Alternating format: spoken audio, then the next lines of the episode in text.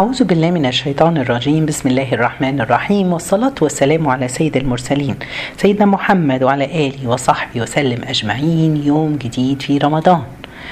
ونبدأ درسنا مع قصة جديدة من قصص ومن حواديت جدتي. نبتدي بالصلاة على الرسول عليه الصلاة والسلام. اللهم صل وسلم وبارك على سيدنا محمد. حكاية جدتي النهاردة في يوم حكت لي قالت لي مر في سنة من السنين في إحدى القرى فكان في مسجد بتاع القرية وكان في الإمام الخطيب بيتكلم مع المصلين بعد بعد الصلاة مديهم درس بيتكلم عن ذكر الله. سبحان الله وابتدى يديهم آيات اللي بتحث على ذكر الله وأحاديث وأحوال السلف مع ذكر الله.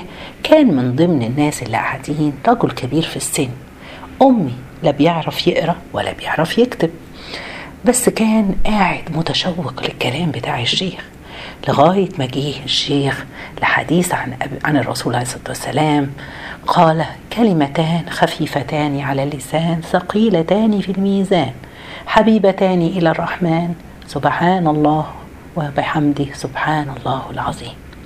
أول ما سمع الراجل الحديث ده والإمام قعد يعيده كذا مرة حفظه.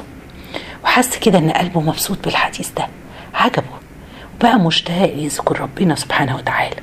خرج بعد الدرس من المسجد وهو عمال يردد إيه سبحان الله وبحمده سبحان الله العظيم. لغاية ما مشي ووصل لبيته. دخل على البيت لقى مراته وولاده قاعدين قدام التلفزيون. واللي قاعد بيذاكر. فلمهم وقال لهم يا ولاد النهارده سمعت حديث جميل قوي عن الرسول عليه الصلاة والسلام. إيه هو يا بابا؟ قال لهم كلمتان خفيفتان على اللسان. سهل قوي نقولهم. هياخدوا إيه؟ ثقيلتان في الميزان. يوم القيامة هيبقوا وزنهم كبير قوي حبيبتان إلى الرحمن. ربنا بيحبهم. سبحان الله وبحمده. سبحان الله العظيم. بعد كده قال لهم سيبكم من الدنيا واللي أنتوا فيها. تعالوا نردد. قعدوا يرددوها مع بعض عشر مرات. سبحان الله. اتبسط. وولاده ابتدوا يحفظوها وكل يوم بقى يعملوها.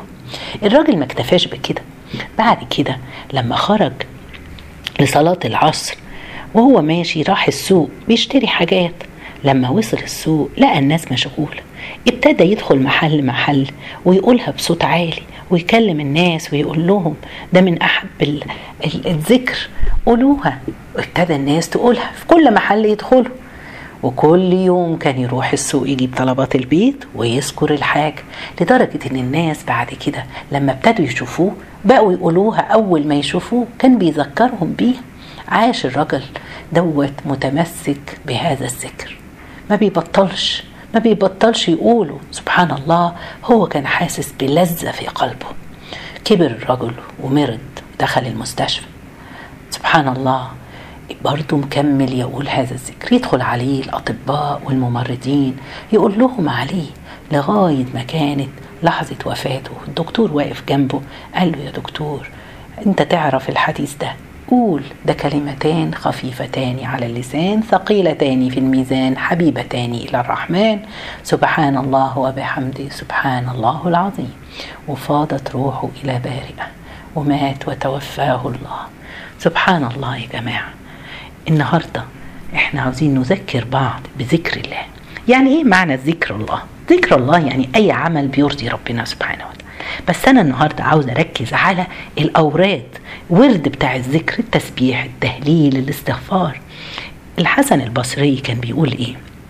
ما يضر أحدكم إذا جلس فارغا أن يقول للملك اكتب يرحمك الله ثم يقول خيرا. يعني إيه؟ بيقولوا إيه رأيكم؟ لما تلاقي نفسك ولا تلاقي نفسك وأنت قاعد فاضي كده تقول للملك بص على الملك اللي على اليمين على كتفك وقول له اكتب وتبتدي تذكر الله. هو ده.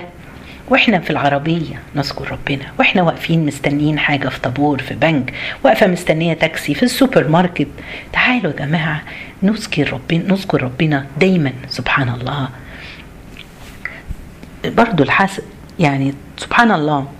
الحسن البصري بيقول إيه؟ طوبى لمن وجد في صحيفته استغفارا كثيرا. يعني من أصروا أن تسروا صحيفته يوم القيامة فليكثر فيها من الذكر والاستغفار. يعني إيه؟ يوم القيامة هنقف قدام ربنا. اوعوا حد يخجل. مش عاوزين نخجل من الصحيفة بتاعتنا. يعني لو أنا بصيت كده في صحيفة يوم القيامة واقفة وبفتح صحيفتي ألاقي في اليوم الواحد مثلا اتكلمنا عشر تلاف كلمة أو يعني الستات ممكن يبقى سبعتاشر ألف كلمة ده المعدل بتاعنا. هتبصي على الكلمات ما تلاقيش فيها ولا حاجة ذكر الله ولا ألف بس ذكر الله. ألف من سبعتاشر ألف. والله هنستحي. تعالوا نذكر الله دائما. وانت فرق قاعدة فاضية في أي وقت انتهزي الفرصة. ويكون بيساعد على دي. استغفرتي أو ذكرتي الله وانت على صباعك ماشي. على العداد ماشي. في سبحة ماشي. أي حاجة تلاقيها وسيلة بتساعدك على إن انت تتذكري ذكر الله اعمليها. حطي ستيكر كده في عربيتك وفي بيتك. افتكري إن انت اكتبي فيها ذكر عشان تذكريه. تعالوا نعلم ولادنا ذكر الله. ربنا سبحانه وتعالى قال لنا إيه؟ الذين يذكرون الله قياما وقعودا وعلى جنوبه يعني في كل لحظة ربنا عاوز يقول لنا الذكر ده في كل لحظة في حياتك. إحنا عاوزين هي الذكر ده زي العبادة زي الأكل والشرب والتنفس. إحنا عاوزين نذكر الله سبحانه وتعالى.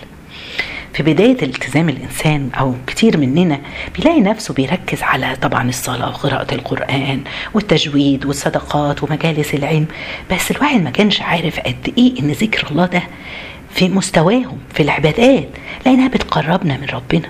الإنسان محتاج لعلم وفهم وذكر. الذكر شيء مهم جدا. لازم كل واحد فينا يبقى عنده ورد كده يومي يعني زي ما كان الرسول عليه الصلاة والسلام معلم الصحابة. إحنا عاوزين نتعلم الجزئية دي.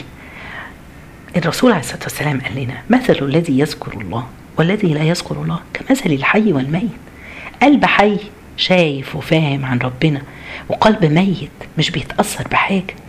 واحد تجيله نعمة لو قلبه بيذكر الله هيشكر الله ويحمد الله عليها ويعرف إنها فضل من الله مش منه.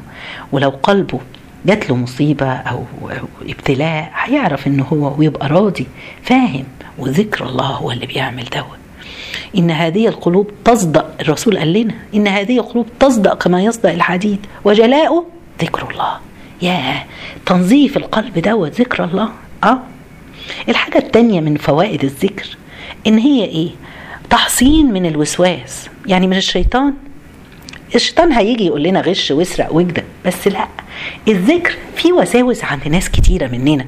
مش عارف ينام ليه؟ أصله خايف على صحته إنه يعيا في المستقبل ويجرى له حاجة واولاده هيعملوا إيه. أو وسواس إنه فقد الثقة في نفسه مثلا. الشغل رفض عمل انترفيو رفضوه في الشغل. أو منجش أو واحدة اتطلقت. زوجها مش بيحبك.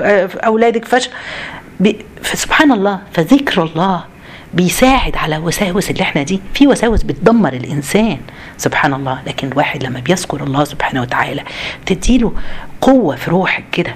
ربنا سبحانه وتعالى بيقول وسبح بحمد ربك قبل طلوع الشمس وقبل غروبه ومن آناء الليل فسبح وأطراف النهار لعلك ترضى. سبحان الله. رضا في كل لحظة صبح ونهار وليل وكل عشان يجي لك الرضا. طيب اللي بيحب الرضا بالأقدار والسكون في وسط كل الأحداث اللي إحنا بنمر عليها دي ذكر ربنا هو اللي بيريح البال. نوع ثالث أو فايدة مهمة قوي للذكر سبحان الله هو كنز في الآخرة ثقل في الميزان. سبحان الله الرسول قال لنا ألا أخبركم بخير أعمالكم؟ وأزكاها أغلاها وأهمها عند مليككم وأرفعها في درجاتكم وخير لكم من إنفاق الذهب والفضة وخير لكم من أن تلقوا عدوكم فتضربوا أعناقهم ويضربوا أعناقكم. قلنا بلى يا رسول الله. قال ذكر الله. تعالى سبحان الله. يا ذكر الله بيعمل كل الحاجات دي. إحنا محتاجين إن إحنا نواظب على ذكر الله. في نوعين من الذكر نوع ذكر مطلق إنك تذكر الله صباحا ومساء ليل عند نومك وما تصحى. وأحاديث كتير الرسول عليه الصلاة والسلام قال لنا على فضل الرزق. سبحان الله وبحمده. دوت غرس الله له نخلة في الجنة. يا لا إله إلا الله وحده لا شريك له له الملك وله الحمد وهو على كل شيء قدير. في يوم لو قلناها 100 مرة هتكتب لنا 100 حسن وتحط عننا 100 سيئة. وكانت له عدل عشر رقاب. من ولدي إسماعيل. يعني أكنك عشر يعني سبحان الله أعتقت عشر. وكانت حرز من الشيطان يوم ولم يمل أحد يوم القيامة بأفضل مما جاء به إلا رجل قال مثل ما قال أو زاد عليه. في أذكار مقيدة زي الأذكار مثلا اللي بعد الصلاة. سبحان الله 33 مرة والحمد لله 33 مرة والله أكبر 33 مرة. ونختمهم المية بلا إله إلا الله وحده لا شريك له له الملك وله الحمد وهو على كل شيء قدير.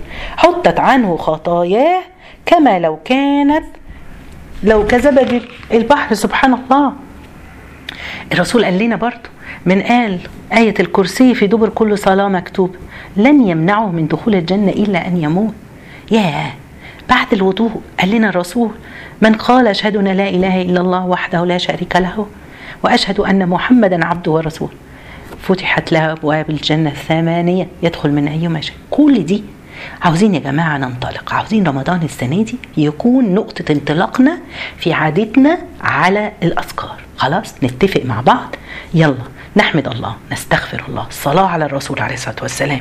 لا إله إلا الله. أذكار الصباح والمساء. كل ده مش هياخد مننا. سيدنا أبو الدرداء بيقول الذي لا يزال لسانه رطبا من ذكر الله يدخل الجنة وهو يضحك. اللهم بشرنا يا رب واكرمنا على عادة ذكر الله. ربنا يتقبل من الجميع إن شاء الله. جزاكم الله خير. سبحانك اللهم بحمدك أشهد أن لا إله إلا أنت. نستغفرك ونتوب إليك.